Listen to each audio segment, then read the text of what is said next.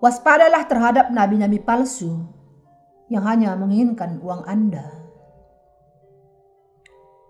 Matius 7 ayat 13 sampai 27. Masuklah melalui pintu yang sesak itu. Karena lebarlah pintu dan luaslah jalan yang menuju kepada kebinasaan. Dan banyak orang yang masuk melaluinya. Karena sesaklah pintu dan sempitlah jalan yang menuju kepada kehidupan. Dan sedikit orang yang mendapatkannya, yang mendapatinya. Waspadalah terhadap nabi-nabi palsu yang datang kepadamu dengan menyamar seperti domba. Tetapi sesungguhnya mereka adalah serigala yang buas dari buahnya lah kamu akan mengenal mereka. Dapatkah orang memetik buah anggur dari semak duri atau buah ara dari rumput duri? Demikianlah setiap pohon yang baik menghasilkan buah yang baik. Sedang pohon yang tidak baik menghasilkan buah yang tidak baik. Tidak mungkin pohon yang baik itu menghasilkan buah yang tidak baik atau pohon yang tidak baik itu menghasilkan buah yang baik.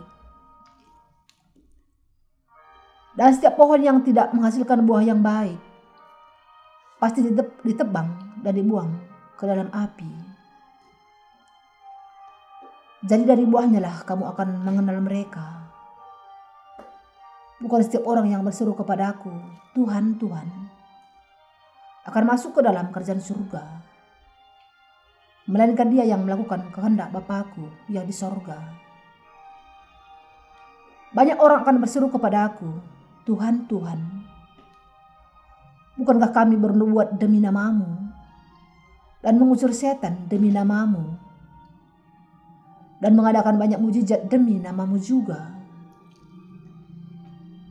Pada waktu itulah aku akan berterus terang kepada mereka dan berkata, Aku tidak pernah mengenal kamu. Ialah daripada aku. Kamu sekalian pembuat kejahatan. Setiap orang yang mendengar perkataanku ini dan melakukannya, ia sama dengan orang yang bijaksana, yang mendirikan rumahnya di atas batu. Kemudian turunlah hujan dan datanglah banjir.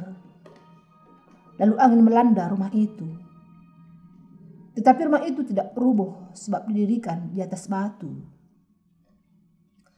Tetapi setiap orang yang mendengar perkataanku ini dan tidak melakukannya, ia sama dengan orang yang bodoh yang mendirikan rumahnya di atas pasir. Kemudian turunlah hujan dan datanglah banjir. Lalu angin melanda rumah itu, sehingga rubuhlah rumah itu dan hebatlah kerusakannya. Dengan iman yang percaya kepada Injil dan Roh, Tuhan kita sudah memberikan kepada kita kemampuan untuk membedakan antara nabi-nabi yang benar dengan nabi-nabi yang palsu dan gereja yang benar serta gereja yang palsu. Di dalam Matius 7 ayat 15 sampai 20, Yesus mengatakan, Waspadalah terhadap nabi-nabi palsu yang datang kepadamu dengan menyamar seperti domba. Tetapi sesungguhnya mereka adalah serigala yang buas.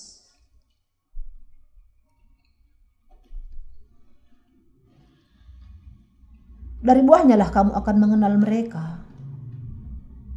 Dapatkah orang memetik buah anggur dari semak duri atau buah ara dari rumput duri? Demikianlah setiap pohon yang baik menghasilkan buah yang baik. Sedang pohon yang tidak baik menghasilkan buah yang tidak baik. Tidak mungkin pohon yang baik itu menghasilkan buah yang tidak baik. Ataupun pohon yang tidak baik itu menghasilkan buah yang baik. Dan setiap pohon yang tidak menghasilkan buah yang baik pasti ditebang dan dibuang ke dalam api. Jadi dari buahnya lah kamu akan mengenal mereka. Tuhan memperingatkan agar kita waspada akan nabi-nabi palsu. Dan sebagaimana peringatannya, kita memang harus waspada terhadap nabi-nabi palsu.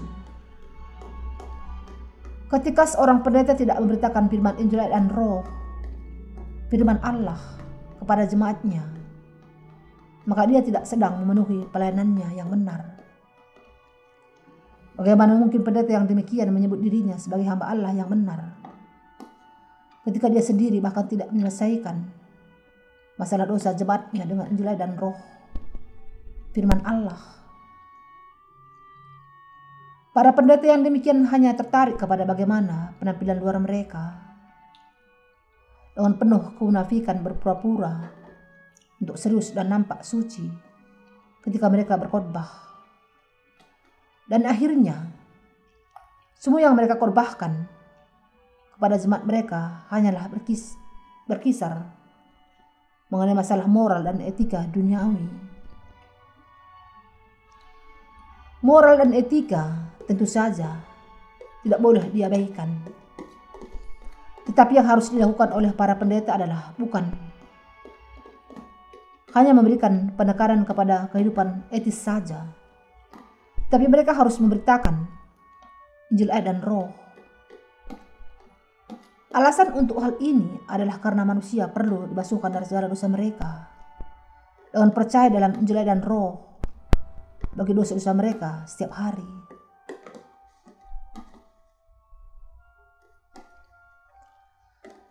Nabi-nabi palsu di sini adalah semua orang yang sudah melawan kebenaran. Para pendeta sendiri juga harus mendapatkan pengampunan segala dosa mereka dengan percaya kepada Injil dan Roh. Setiap orang yang melayani sebagai pendeta tanpa mengenal percaya kepada Injil dan Roh dan tanpa dilahirkan kembali adalah nabi-nabi palsu yang menyedihkan semuanya. Alkitab menyebut orang-orang yang demikian sebagai nabi-nabi palsu. Tuhan kita mengatakan, waspadalah akan nabi-nabi palsu. Kita memang harus waspada dengan orang-orang demikian. Anda harus selalu menjauhkan diri dari para pendusta itu di dunia ini yang tidak bisa memecahkan masalah dosa-dosa Anda. Alkitab mengatakan kepada kita dalam Titus 3 ayat 10 sampai 11. Seorang bidat yang sudah satu dua kali kau nasihati, hendaklah engkau jauhi. Engkau tahu bahwa orang yang semacam itu benar-benar sesat dan dengan dosanya menghukum dirinya sendiri. Bagian ini menunjuk kepada mereka yang masih memiliki dosa dalam hati mereka. Bahkan ketika mereka mengatakan bahwa mereka percaya kepada Yesus. Iman mereka meninggikan apa yang benar bagi mereka sendiri. Bahkan meskipun mereka percaya kepada Yesus, mereka adalah dengan demikian sebenarnya melakukan dosa yang sangat keji melawan Tuhan. Bagaimana mungkin mereka masih orang-orang berdosa kalau mereka mengatakan bahwa mereka percaya kepada Yesus Kristus sebagai juru selamat mereka. Dengan memiliki iman yang demikian, semua yang mereka lakukan adalah berdosa terhadap Tuhan. Ketika mereka mengatakan bahwa dosa-dosa mereka masih ada di dalam hati mereka di hadapan Tuhan, ini hanya menunjukkan keyakinan mereka yang salah bahwa mereka masih harus dihukum atas dosa-dosa mereka. Akan tetapi mereka merasa bahwa keyakinan mereka menganggap diri mereka sebagai orang-orang berdosa di hadapan Tuhan adalah sebuah keyakinan yang benar.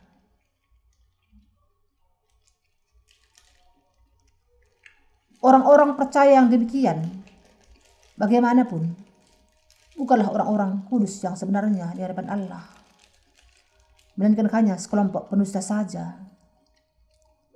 Yesus mengatakan kepada kita agar kita waspada terhadap para nabi palsu yang demikian dan para pengikutnya.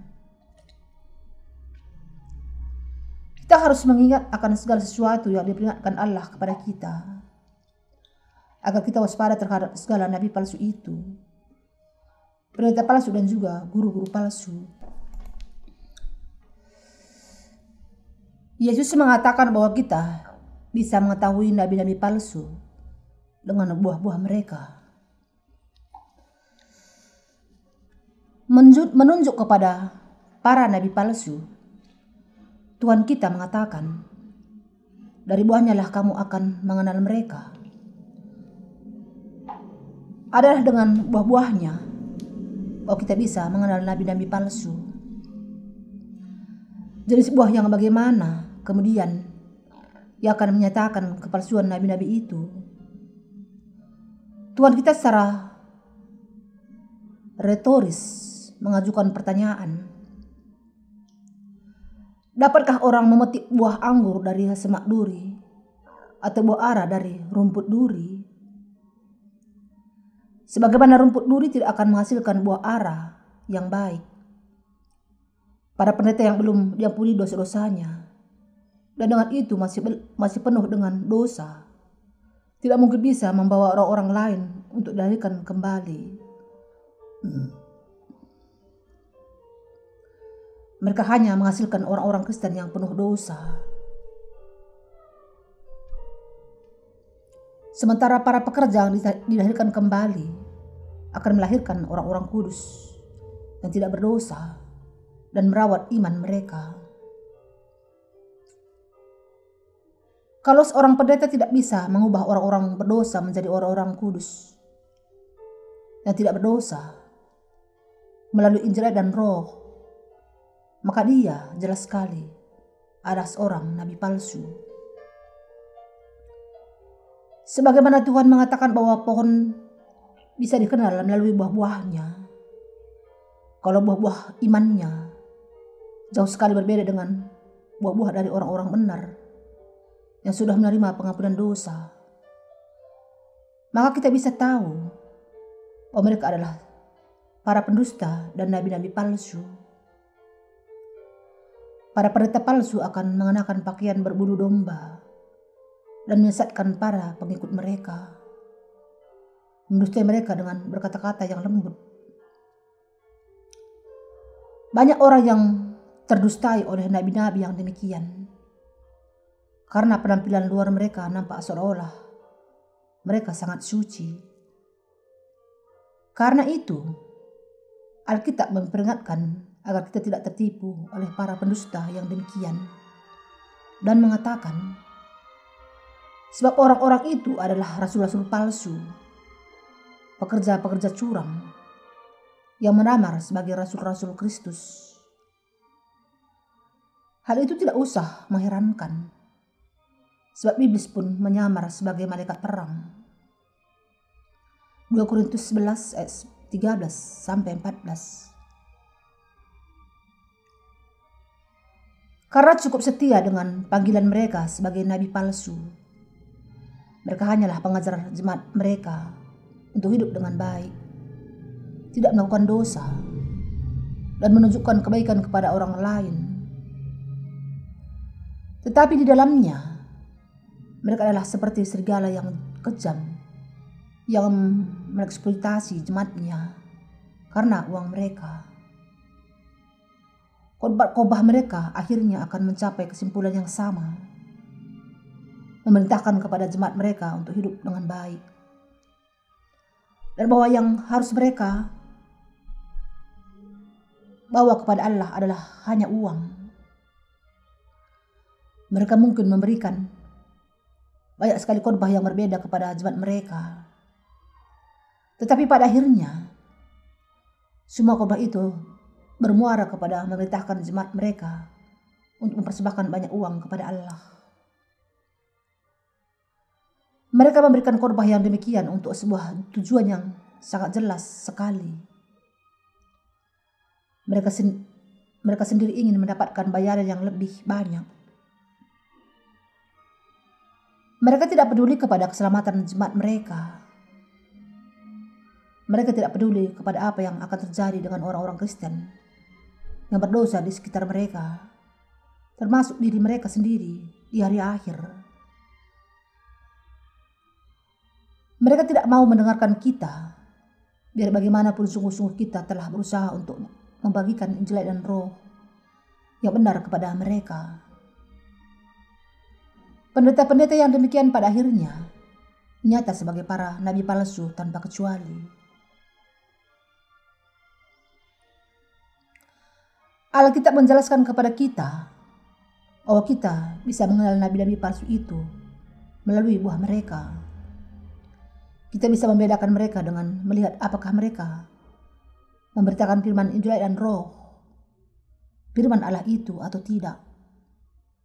Dan dengan menguji apakah ada seorang di antara jemaat mereka yang percaya kepada firman Injil dan roh dan menerima pengampunan dosa melalui mereka. Tentu saja, mereka memang memberitakan firman Allah, tetapi tidak ada karya keselamatan yang muncul dari apa yang mereka beritakan. Dengan percaya kepada firman Injil dan Roh, kita bukan hanya bisa mengetahui apakah mereka adalah nabi palsu atau nabi yang benar dengan iman mereka, tapi juga kita akan bisa bertahan tidak jauh ke dalam dusta demikian. Injil air dan roh adalah barometer yang menunjukkan yang mana para nabi palsu. Karena itu, kita orang-orang yang dilahirkan kembali dengan air dan roh. Yohanes 3 ayat 1 sampai 10. Adalah umat Allah sendiri dan para hambanya tidak bisa membedakan antara pohon yang buruk dengan pohon yang baik. Mari kita sekarang menguji apakah karakteristik dari para nabi palsu itu secara lebih terperinci. Karakteristik yang pertama dari seorang nabi palsu adalah bahwa mereka semua memiliki dosa di hadapan Allah. Karena itu, kalau seorang hamba Tuhan tertentu adalah seorang berdosa di hadapan Allah, maka dia adalah nabi palsu. Orang yang demikian tidak diragukan lagi akan mengatakan kepada jemaatnya hari demi hari untuk datang kepada Allah hanya dengan membawa dan, dan dia tidak akan tertarik kepada Injil dan Roh sama sekali dan juga tidak akan percaya di dalamnya. Pendeta yang demikian adalah seorang nabi palsu. Nabi yang demikian melihat jemaatnya semata sebagai sumber bagi kekayaan pribadi mereka. Apakah jemaat mereka dilahirkan kembali atau tidak? Sama sekali bukan perhatian mereka. Dan yang mereka perhatikan hanyalah dalam hal uang. Saya tidak yakin apakah Anda pernah mendengar khotbah yang demikian sebelumnya atau tidak. Tetapi setiap khotbah yang diberikan oleh nabi-nabi palsu pasti ada hubungannya dengan uang dalam sisi tertentu. Khotbah mereka akan berbunyi demikian. Saudara dan saudari, kita harus hidup seturut dengan firman Allah. Dalam ulangan 28, Allah mengatakan bahwa kalau kita menghormati orang tua kita dan mentaati hukum Taurat, dia akan memberikan kepada Anda berkat ini dan berkat itu. Tetapi bahkan ketika mereka membuka khotbah mereka seperti ini, pada akhirnya mereka juga akan mengatakan bahwa berkat Allah sangat tergantung kepada berapa banyaknya uang yang kita persembahkan. Tetapi bukan ini cara supaya kita bisa menerima berkat-berkat surgawi dan duniawi dari Allah. Sebaliknya, semua berkat berasal dari iman yang percaya kepada firman Injil dan Roh. Firman Allah adalah mereka yang mendengar dan percaya kepada firman ini. Firman Injil dan Roh inilah yang akan diberi oleh Allah berkat keselamatan dan juga semua berkat bumi. Namun, kesimpulan dari khotbah para nabi palsu ini senantiasa berkisar mengenai masalah uang. Mereka mungkin berbicara tentang hukum Taurat. Tetapi ketika mereka mengatakan, layanilah Allah dengan baik, berikan persembahan kepada gerejamu, dan hormatilah gembalamu. Yang sebenarnya mereka katakan adalah, bawalah uang yang banyak. Kalau kamu mau mempersembahkan uang yang sangat banyak kepada Allah, kamu akan diberkati. Demikianlah usaha yang mereka lakukan untuk mendustai Anda. Dan semua tujuan mereka dalam melakukan pelayanan adalah terletak pada uang. Mereka mengajar kepada orang banyak untuk memberikan bahkan persembahan yang semakin besar. Dengan mengatakan, semakin banyak persembahan yang Anda berikan, semakin Anda akan diberkati dan semakin cepat iman Anda akan bertumbuh. Tetapi Orang-orang yang percaya kepada Injil dan Roh dan memahami beritanya tidak akan didustai oleh pendusta yang demikian. Kita harus menjauh dari dusta para nabi palsu. Yesus mengatakan, Waspadalah terhadap nabi-nabi palsu yang datang kepadamu dengan menyamar seperti domba. Tetapi sesungguhnya mereka adalah serigala yang buas Para nabi palsu itu adalah seperti serigala. Mereka berdiri di tengah domba-domba memakai bulu domba. Tetapi hati mereka tetaplah hati serigala. Menunjukkan gigi yang tajam. Yang siap untuk menelan kawanan domba itu. Karena mereka memang terobsesi oleh uang. Menurut Alkitab, semua nabi palsu itu tidaklah lebih dari serigala saja. Jauh dari memberitakan Injil kehidupan baru kepada zat mereka. Mereka justru membawa para pengikut mereka untuk percaya kepada sesuatu yang berbeda dengan Injil dan Roh. Dan dengan melakukan hal itu, mereka hanyalah mengeksploitasi jemaat mereka yang sedang sekarat tertimbun oleh dosa dalam hati mereka.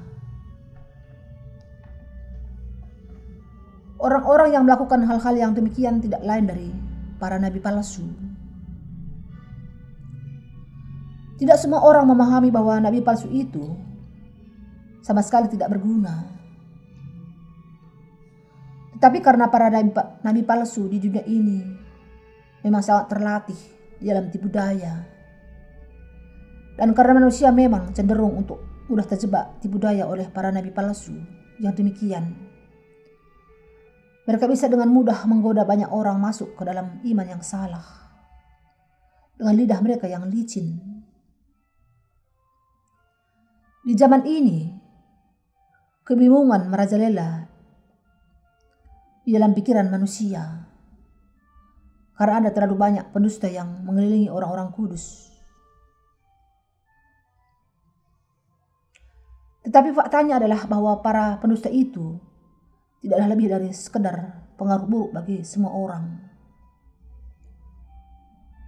Bahkan hal-hal yang ada di dunia ini memiliki tiruannya yang palsu. Sebagai contoh, beberapa toko daging meletakkan tiruan daging palsu yang terbuat dari plastik di jendela mereka. Kalau dilihat sepintas, tiruan palsu itu nampak seperti daging yang sebenarnya. Karena nampaknya begitu segar dan bagus dan merangsang selera Anda. Tetapi kalau Anda memperhatikan secara teliti, Anda akan menyadari bahwa ini bukanlah daging yang sebenarnya dan hanya tiruan saja.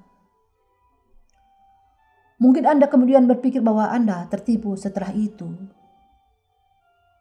Hal yang sama juga terjadi dengan toko roti. Sebagaimana ada roh roti yang sungguh-sungguh terbuat dari gandum. Ada juga banyak roti tiruan yang terbuat dari plastik. Bisakah Anda makan roti tiruan ini? Tentu saja tidak. roti tiruan itu sama sekali tidak bisa dimakan. Karena sebenarnya roti itu terbuat dari plastik dan hanya nampaknya saja seperti roti yang asli. Tetapi tidak peduli bagaimanapun indah dan enak kelihatannya. Memakan plastik hanya akan mengakibatkan masalah yang serius bagi kesehatan dan bahkan kematian. Roti yang palsu ini sama seperti semua yang dikorbankan oleh para nabi palsu saudara dan saudari. Tidak peduli bagaimanapun menariknya para pemimpin dalam gereja Anda. Tidak peduli bagaimanapun mereka mengasihi Anda.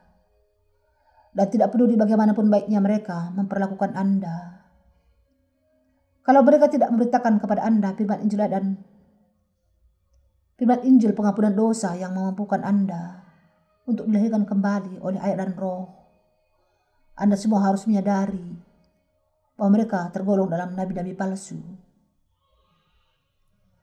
Orang-orang yang demikian adalah para nabi palsu yang tidak lebih dari orang mencari nafkah dalam pekerjaan rohani. Alkitab menasihatkan Anda agar kita waspada terhadap orang-orang yang ini. Tuhan kita menjelaskan para nabi palsu ini sebagai serigala yang ganas Apakah Anda masih dalam perawatan dari para nabi palsu yang demikian? Orang-orang ini bukan hanya mengeksploitasi uang Anda, tetapi yang lebih gawat lagi, mereka juga sedang mencuri jiwa Anda. Yang dikehendaki oleh nabi palsu itu adalah untuk mendapatkan sebanyak mungkin uang dari Anda untuk membangun gedung gereja yang lebih baik dan lebih besar. Sementara mengenai apakah jiwa Anda sedang menuju ke neraka atau tidak sama sekali, bukan urusan mereka. Apa kemudian yang harus Anda lakukan? Anda harus mengenal pohon dari buah-buahnya.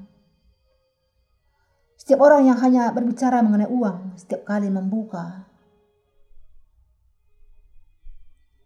mulutnya yang kata-katanya selalu berputar-putar pada uang.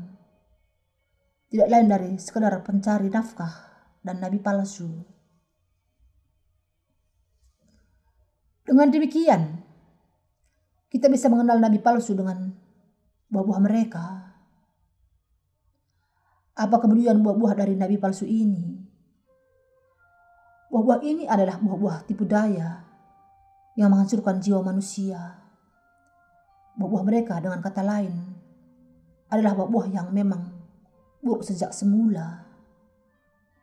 Para nabi palsu mau saja mengatakan bahwa Anda tidak memiliki dosa dan bahwa segala sesuatu baik-baik saja selama Anda memberi, memberikan uang kepada mereka. Dan mereka mengatakan bahwa semuanya baik-baik saja kalau Anda menaikkan doa pertobatan disucikan dan tentu saja memberikan uang yang banyak kepada gereja. Semua ini adalah buah-buah dari para nabi palsu. Lalu bagaimanakah buah-buah yang buruk itu kemudian muncul? Buah-buah pelayanan jahat mereka muncul saat mereka tanpa henti berusaha untuk memperbesar jemaat mereka dari segi jumlah saja. Sementara mereka mengelola gereja mereka, seolah-olah mereka sedang mengelola bisnis mereka. Rancangan apa yang mereka pakai untuk menarik orang datang ke gereja mereka? Di antara banyak rancangan, salah satu rancangan yang paling nyata adalah menawarkan hadiah-hadiah berupa benda dan hadiah sebagai intensif untuk pengikut mereka, untuk membawa banyak orang masuk ke dalam gereja mereka. Sebagai contoh, mereka akan memberikan hadiah berupa sebuah lemari es yang besar bagi orang-orang yang membawa 20 anggota baru dalam satu tahun ke dalam gereja. Hadiah sebuah AC berkekuatan besar bagi yang membawa 30 anggota baru. Sebuah mobil mungil bagi orang yang membawa 50 anggota baru.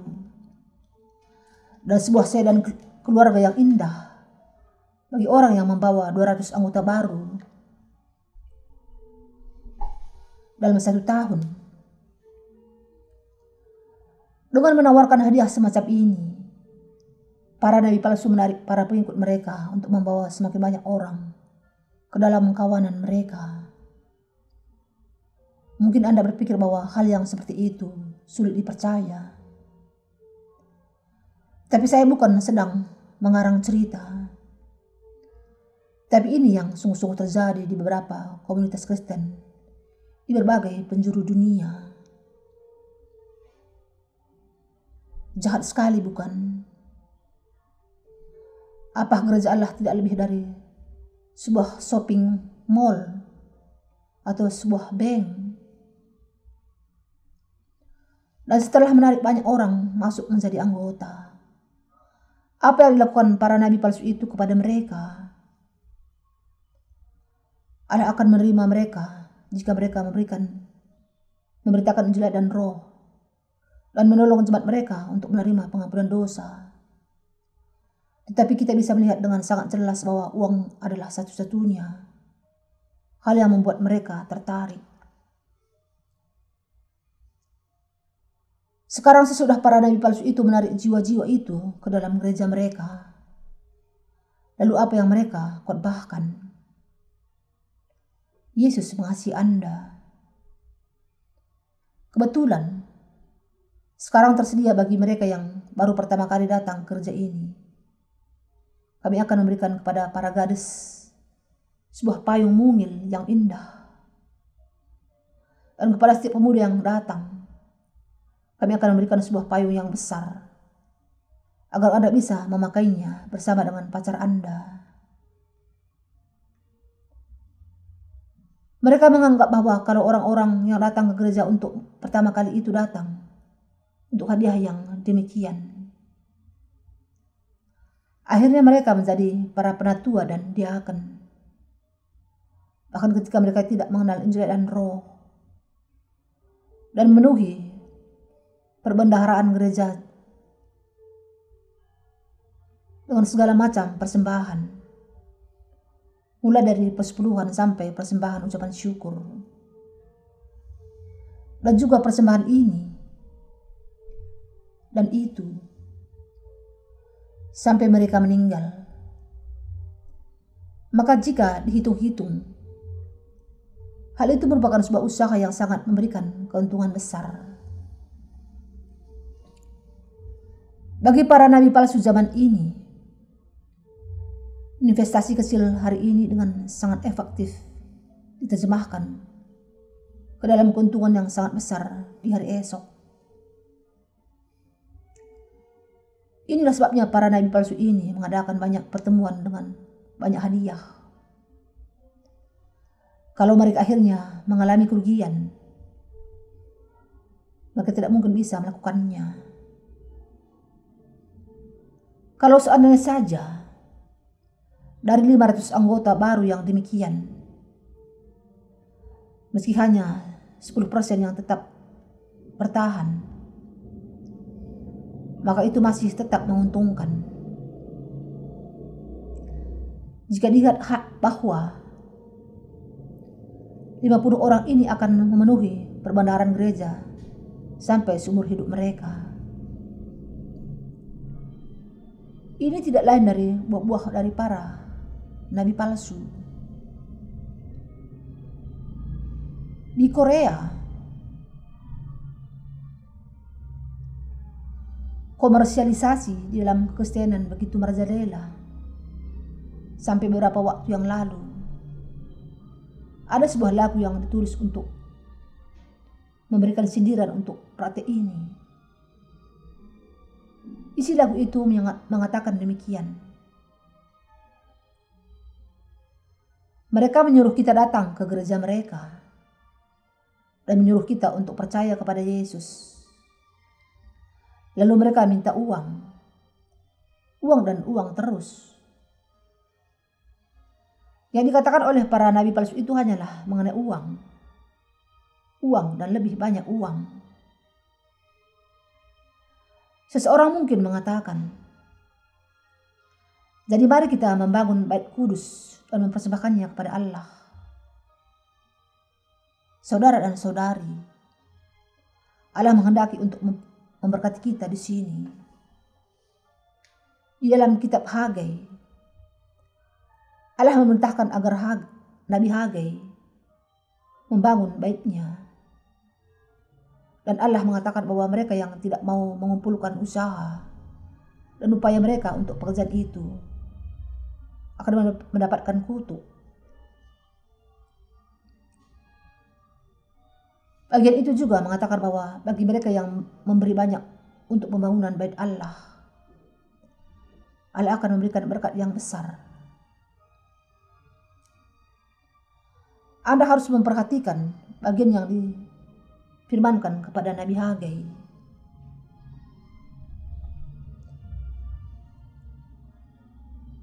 Lalu dia menulis bagian dari kitab Hage itu dalam sebuah banner dan meletakkannya di tempat yang tinggi. Mengundang pengkhotbah kebangunan rohani untuk menggerakkan emosi jemaat. Lalu mengedarkan kantong persembahan.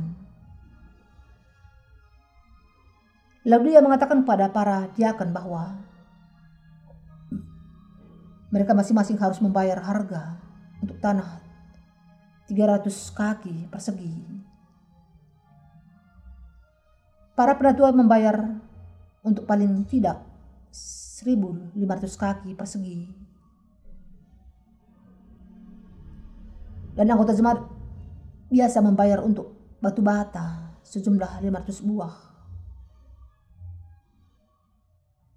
Dengan membentuk panitia pembangunan, dia kemudian memeras uang dari antara jemaatnya.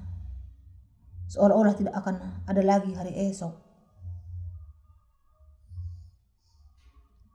Saudara dan saudari, kalau gedung gereja yang lebih besar memang perlu di hadapan Allah, maka memang itu harus dibangun.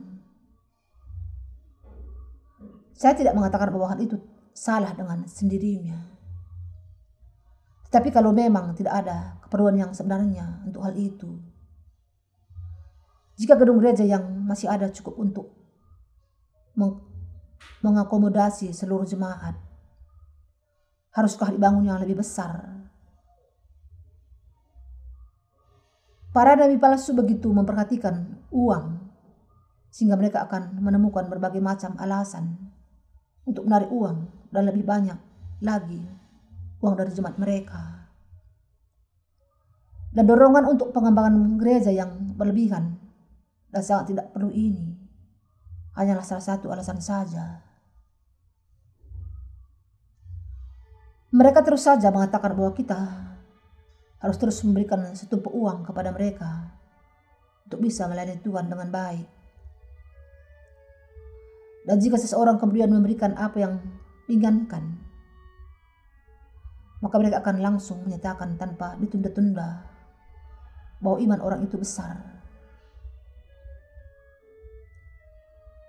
Beberapa di antara mereka bahkan membuat semacam catatan grafis untuk mencatat semuanya yang menunjukkan dia kenyang mana yang memberikan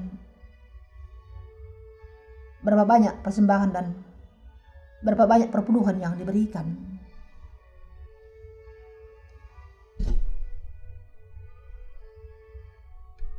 Mereka menjadikan mustahil bagi orang-orang yang tidak memiliki uang untuk bahkan datang saja ke dalam gereja mereka. Inilah iman yang dimiliki oleh para nabi palsu itu. Dan ini bukan lain dari buah-buah mereka. Kita harus melakukan kehendak Allah Bapa. Kita ingin melakukan kehendak Allah Bapa. Kita tidak boleh melakukan kehendak kita sendiri sesuka hati. Tetapi melakukan setiap perbuatan baik sesuai dengan kehendak Bapa. Siapa yang bisa melakukan kehendak Allah Bapa? Hanya anak-anaknya yang bisa. Siapa yang ingin melakukan kehendak Bapaknya sendiri? Orang-orang yang mau melakukan kehendak Bapa mereka adalah anak-anaknya saja. Karena itu, hanya orang-orang yang percaya kepada Injil dan Roh yang bisa mengikuti kehendak Bapa. Dan karena kita sudah menerima pengampunan dosa dengan percaya itu dan menjadi anak-anaknya, kita sedang mengikuti kehendak Allah Bapa sendiri. Bisa melakukan kehendak Bapa bagi kita berarti kita menerima pengampunan dosa dengan percaya kepada Injil dan Roh dan membuat semua orang untuk dibebaskan dari segala dosa mereka. Inilah yang disebut sebagai melakukan kehendak Bapa di surga. Namun banyak sekali nabi palsu dalam komunitas Kristen zaman ini. Mereka melakukan kejahatan dan bukannya melakukan kehendak Allah. Allah pastilah akan menolak semua pendusta yang demikian pada hari terakhir.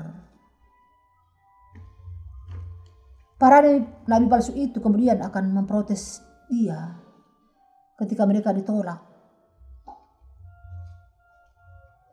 Tapi Tuhan, mengapa engkau menolak kami? Setelah kami bekerja tanpa lelah untuk engkau.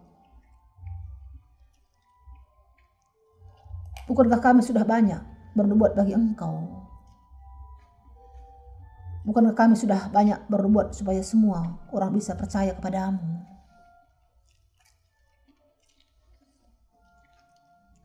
Kami mengusir setan-setan di dalam namamu,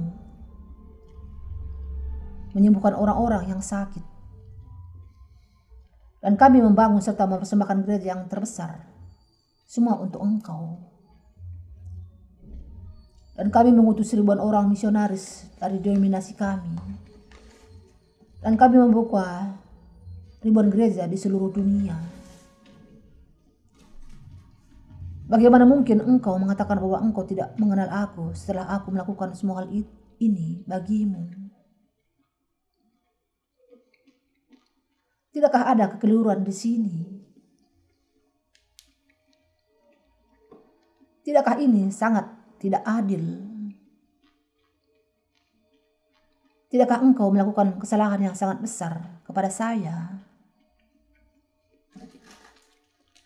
Apakah engkau menderita penyakit Alzheimer? Dengan mata menyatakan kepada Tuhan, Bukankah kami bernubuat demi namamu dan mengusir setan demi namamu? dan menggunakan banyak mujizat demi namamu. Mereka sedang mengatakan diri mereka sebagai para hamba Allah yang setia. Dan kemudian memprotes Allah. Tapi Tuhan kita akan mengatakan kepada mereka, Siapa yang menyuruh kamu melayani aku? Hei para pelaku kejahatan. Siapa yang menyuruh kami memberitakan nama namaku.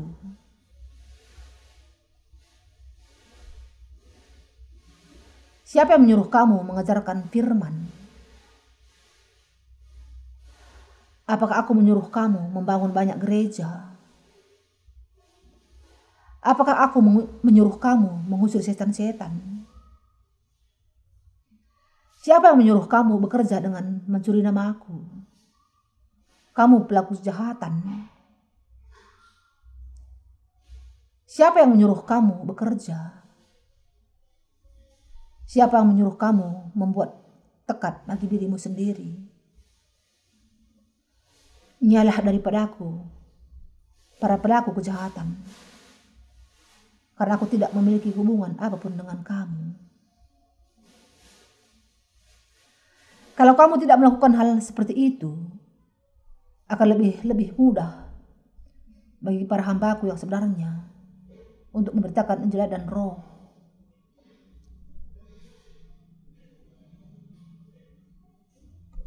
Tetapi semua yang kamu lakukan ini justru menghambat usaha mereka. Kamu akhirnya justru melakukan pekerjaan iblis dan menjadi hamba si jahat. Sekarang bersama-sama dengan si jahat, masuklah ke dalam api neraka yang kekal.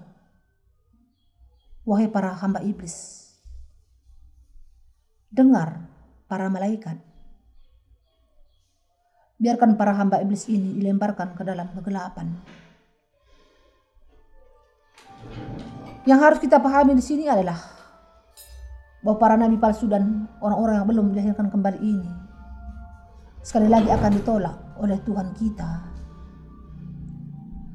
Akhir mereka adalah akan dibuang ke dalam api neraka yang kekal. Kita perlu memahami bahwa di antara orang-orang yang mengaku beragama di zaman ini, ada banyak orang yang akan dilemparkan ke dalam tempat ini. Kita baru saja tahu dengan pasti kalau kita sudah sungguh-sungguh ada di neraka. Tapi saya dengar bahwa mereka, bahwa neraka sekarang sudah penuh Apakah masih ada tempat bagi saya di sana? Mungkin Allah justru akan mengirim aku ke dalam surga. Karena tidak ada lagi tempat kosong di neraka. Banyak orang-orang yang mengatakan perkataan yang tidak benar. Sembrono dan bodoh seperti itu. Mereka tidak perlu khawatir karena meskipun ada orang yang tidak terhitung banyaknya yang akan masuk ke dalam neraka. Neraka itu sendiri cukup luas untuk mengakomodasi mereka semua. Dan bahkan masih ada tempat yang kosong.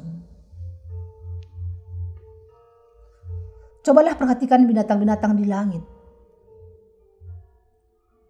Kemungkinan besar beberapa binatang yang kita lihat sekarang ini Sebenarnya sudah ada jutaan tahun yang lalu, atau bahkan sudah tidak ada lagi.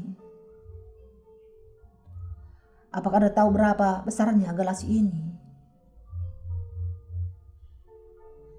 Ketika kita memandang ke arah galaksi pada langit malam hari, banyak bagi banyak binatang di dalamnya. Membutuhkan waktu jutaan tahun cahaya untuk sampai kepada kita dan bisa dilihat dengan mata kita.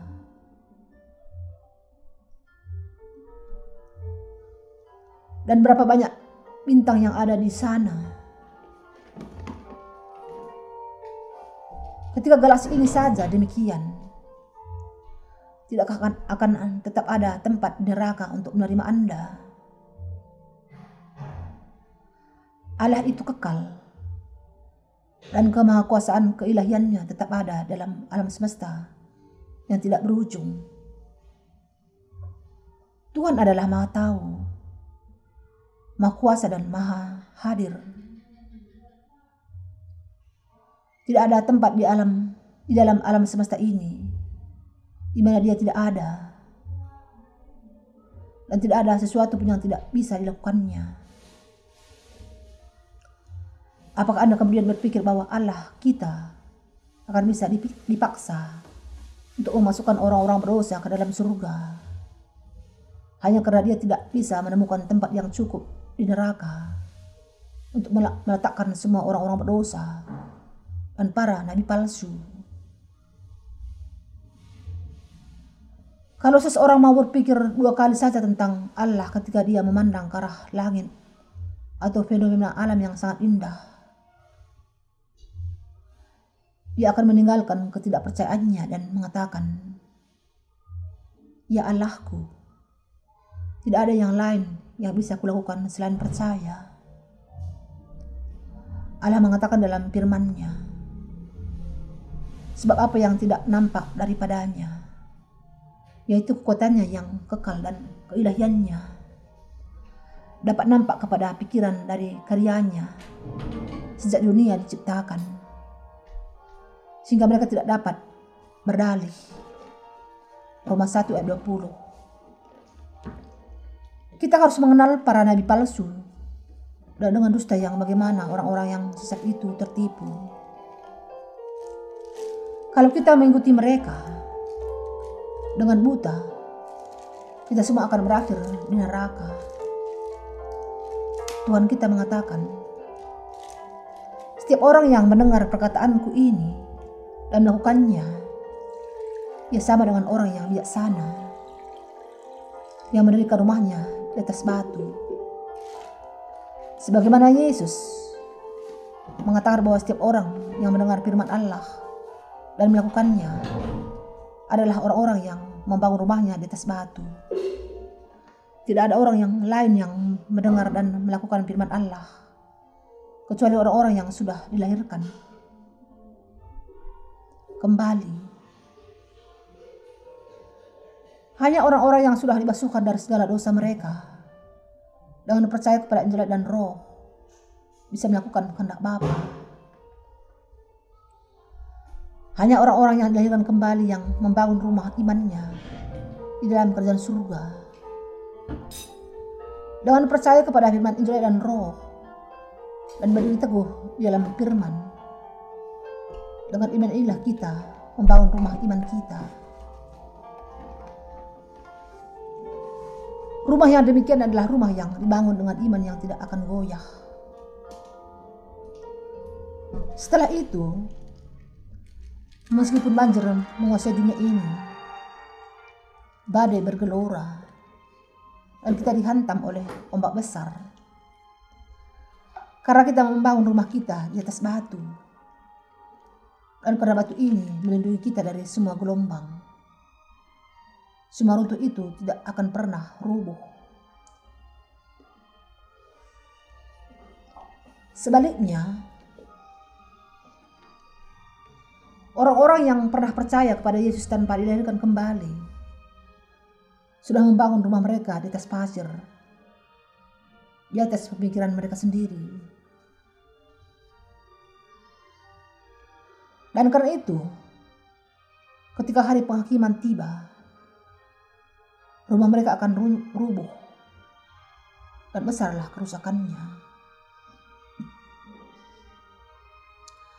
Tidak peduli bagaimanapun bagusnya mereka membangun rumah mereka, karena mereka membangunnya di atas pasir. Ketika banjir datang dan air melanda, dasar mereka akan dihanyutkan dan rumah mereka akan rubuh secara sangat dahsyat. Saudara dan saudari, Anda semua harus waspada terhadap para nabi palsu yang tidak mengenal firman Injil dan roh. Dan karena itu, belum dilahirkan kembali dan yang membawa manusia kepada jalan yang lebar yang membawa kebinasaan.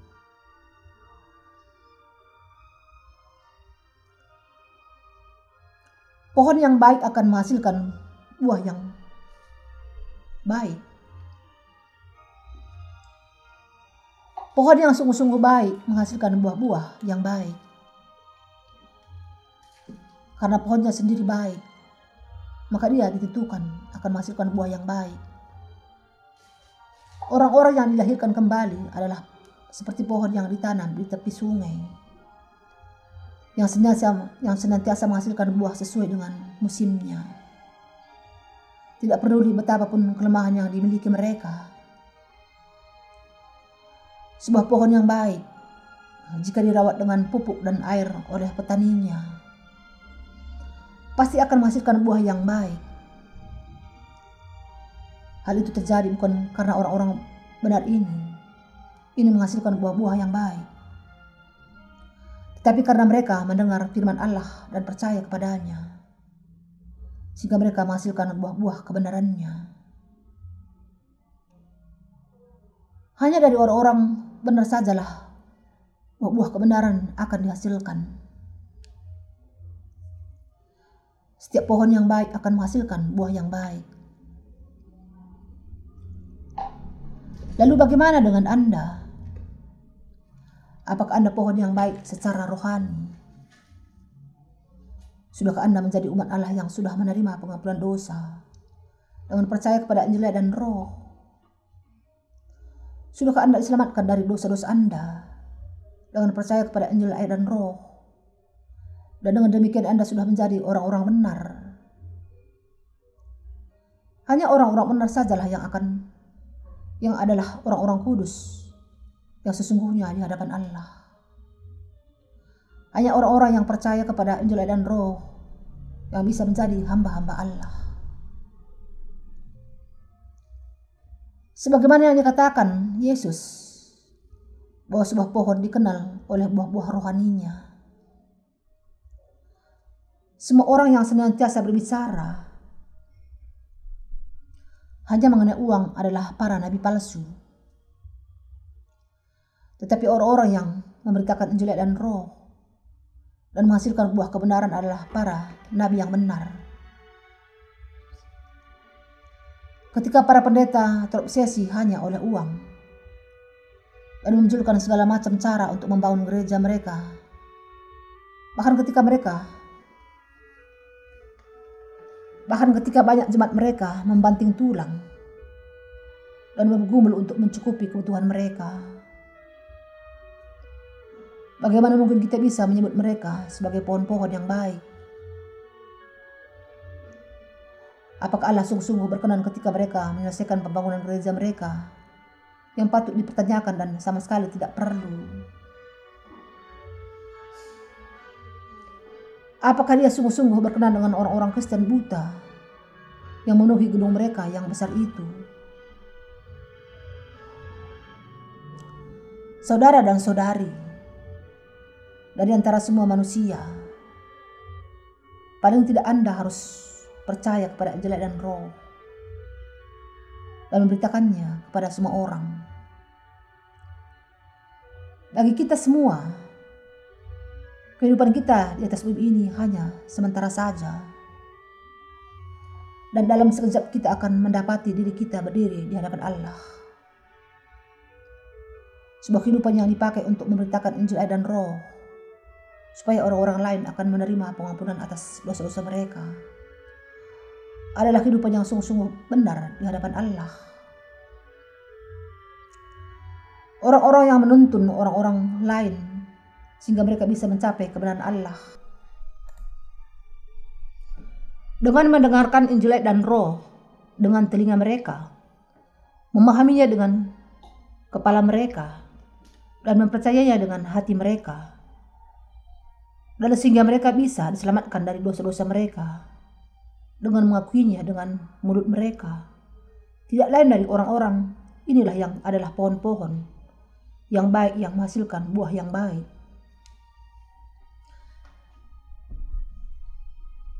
Di zaman dan masa ini, kita semua harus memberitakan Injil dan Roh. Firman Allah kepada semua manusia di dunia ini. Kita harus mengajar orang-orang lain tentang siapa sebenarnya para nabi palsu itu. Akhir-akhir ini, kita sudah mendistribusikan majalah Injil kami. Dan kami sudah sering mendapatkan telepon dari pembaca kami yang meminta kami untuk mengajarkan kepada mereka siapakah sebenarnya para nabi palsu itu. Bagi kita untuk memberitakan Injil dan Roh adalah seperti membebaskan mereka dengan membawa kepada Allah dari eksploitasi para pendusta.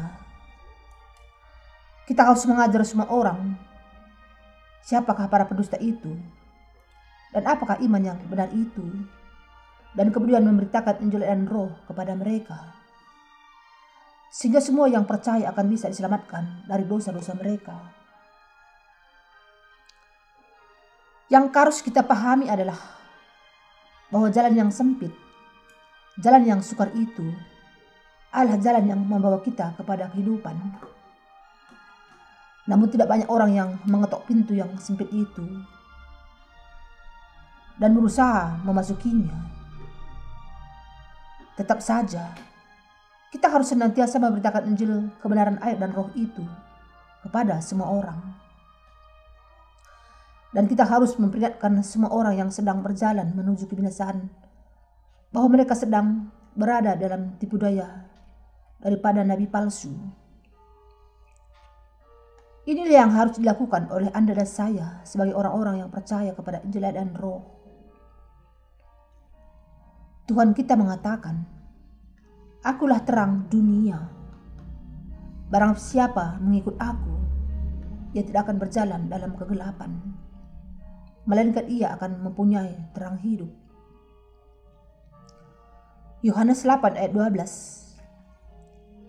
Dan Tuhan kita mengatakan bahwa kita orang-orang benar juga adalah terang dunia. Dia juga mengatakan,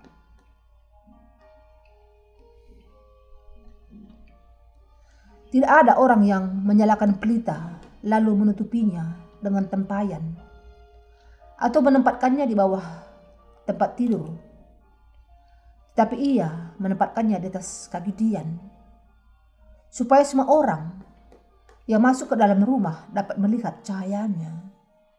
Lukas 8 ayat 16. Kita harus memancarkan terang iman yang mengenal dan percaya kepada Injil air dan roh. Sehingga semua orang akan bisa melihat terang ini. Datang kepadanya dan juga memiliki terang itu. Sebagai kesimpulan, saya akan mengulangi pengajaran kunci yang saya jelaskan kepada Anda semua di masa akhir ini, kita harus menggenapi tugas kita untuk memberitakan Injil dan Roh. Kita harus melakukan kehendak Allah Bapa secara terus-menerus. Tidak peduli bagaimanapun sulitnya keadaan kita. Semakin gelap dunia ini, semakin kita harus memberitakan Injil ini. Karena selama masa dan zaman inilah di mana ada, semakin banyak orang yang harus dibebaskan dari dosa-dosa dunia dan sebuah nabi-nabi palsunya. Mari kita semua kemudian terus menanamkan benih Injil dan Roh dengan semakin banyak tekad dan kemauan.